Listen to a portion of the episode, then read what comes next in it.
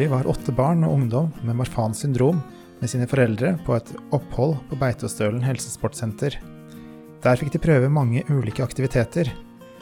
Under oppholdet møtte vi Laila og Åse, som begge har barn med Marfans syndrom, for å høre deres tanker rundt det å ha barn med Marfans, og hvordan det påvirker deltakelse i fysisk aktivitet. Velkommen til TRS-podkasten. Mitt navn er Bendik Fjelstad, og jeg jobber som kommunikasjonsmedarbeider på TRS.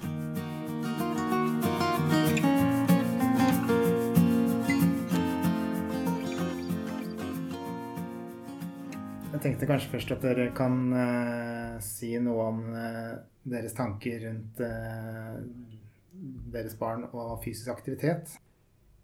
Jeg føler jo, altså Begrensningene blir jo av seg sjøl fordi at de ser, at de ikke klarer å henge på på lik linje som de andre ungene, føler jeg. Men å delta på fotball og delta på aktiviteter når de er sånn det, har, han har prøvd iallfall de fleste aktiviteter. Sånn i gymmen og sånn. Men jeg føler jo det er når han er blitt eldre, så ser han jo sjøl at det er begrenset for hva han kan delta på. Mm. Er det vanskelig å sette, sette sånne begrensninger? Det gjør det, kommer litt av seg Jeg tror det kommer av seg sjøl, føler jeg iallfall. At det, er, det, det, har han sett sjøl. Er Har dere noen tanker rundt det? Ja, eh, han vil jo gjerne delta. Eh, han, eh, noen ganger vil han ikke at jeg skal si så mye om hva han eh, strever med, og andre ganger så sier han du kan bare fortelle, sånn at klassen vet, eller, eller hvis han prøver nye sporter. men, men vi har en avtale om at han sier fra når han trenger en pause, og det er veldig viktig. Mm. Jeg føler det henger nok lettere med i de første årene, men mm. spriket blir større til eldre de blir. Ja. Jo mer de andre blir trent. Mm. Mm. Eh, og så har du kommet opp hit i Beitostølen. Eh, hvordan er det å komme hit og få prøvet forskjellige aktiviteter? Eh, hvordan har det vært? Jeg syns det har vært veldig jeg synes Det som jeg syns er bra, det er at her eh, trenger ikke ta seg sjøl så veldig høytidelig på Altså, Du ser at her er det mange som strever med andre ting. Mm. Sånn at eh, eh, det blir ikke så veldig Altså, her blir det ikke så synlig.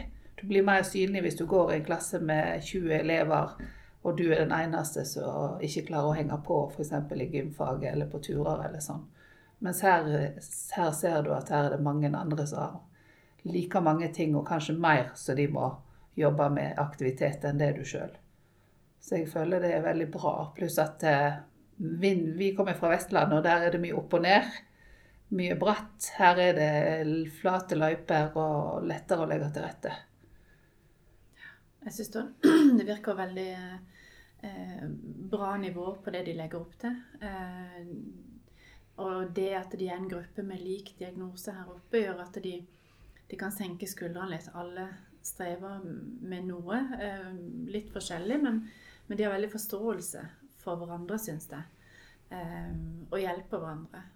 Så, eh, så jeg syns det, det, er veldig positivt. Eh, den han slapper mer av når han er i fysisk eh, aktivitet her, selv om han jo også blir sliten her av noen av aktivitetene. Mm. Mm.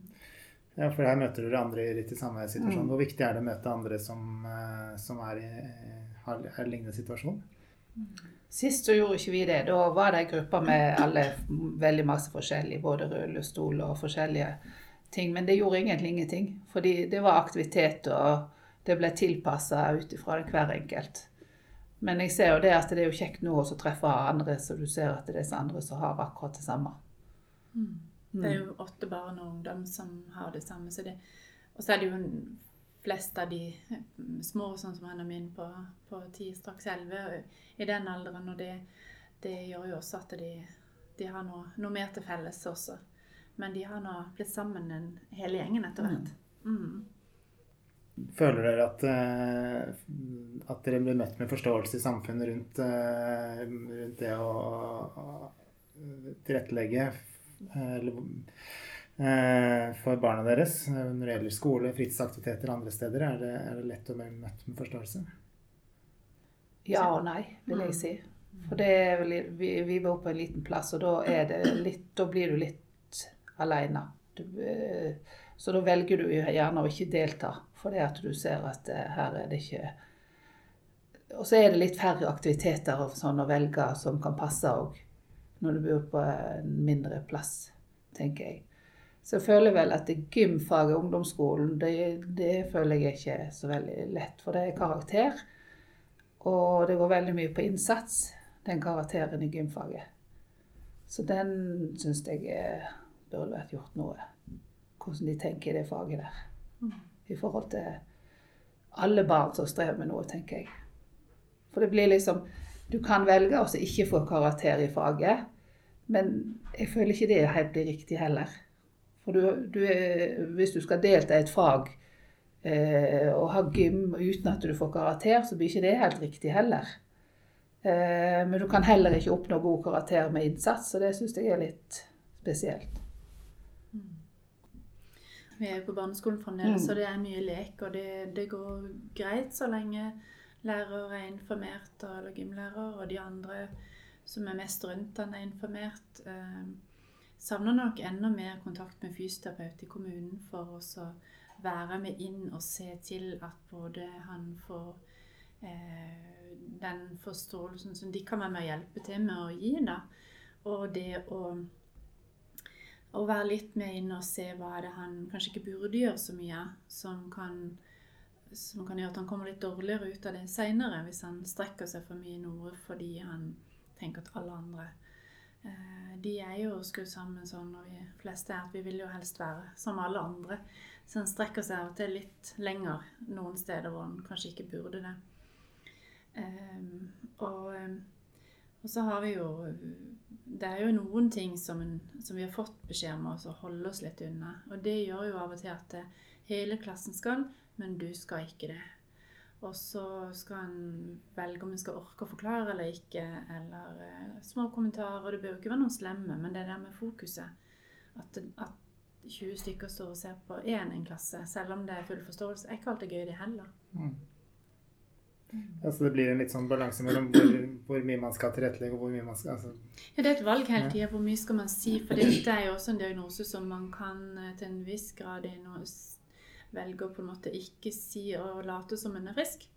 Eh, hvert fall er noen som er i den posisjonen. Og da må en se Skal man velge om en skal bare si Nei, jeg ble litt sliten. Eller skal en ta full forklaring? Og orker man alltid det?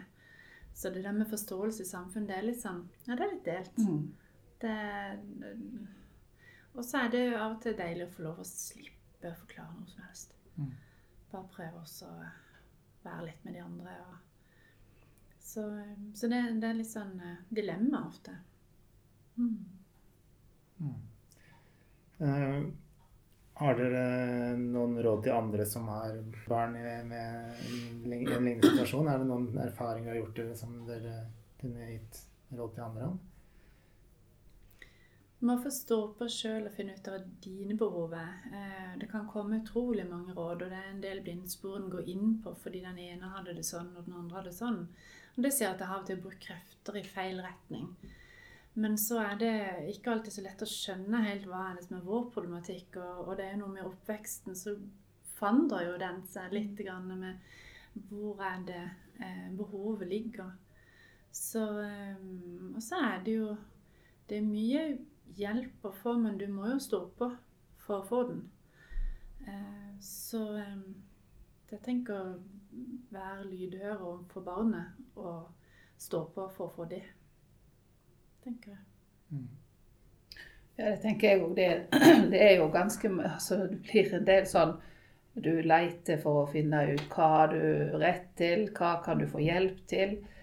Eh, for det er ikke alle som kan eh, Så jeg føler at det, det har vært greit med eh, grupper. Vi har hatt en sånn ansvarsgruppe der eh, fysioterapeut og lege og helsesøster så det er greit med ansvarsgrupper, så du iallfall kan diskutere ting. Og kanskje få litt tips eller hjelp til en del ting som du syns blir vanskelig å finne ut sjøl. Mm. F.eks. å reise til Beitostølen. Det hadde jeg aldri visst hvis ikke det var, eller aldri tenkt hvis ikke det var for at helsesøster spurte om jeg hadde lyst til å reise på det første oppholdet. Mm. Mm.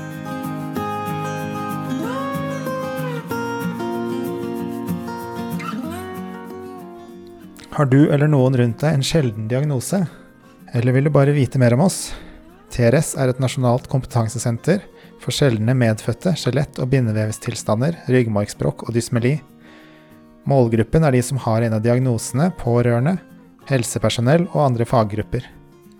På vår nettside sunnaas.no trs finner du mer informasjon om Marfans syndrom og de andre diagnosene vi har ansvar for. Har du spørsmål, kan du ta kontakt med oss på telefon 66 96 90 00 eller e-post trs krøllalfa sunnaas.no.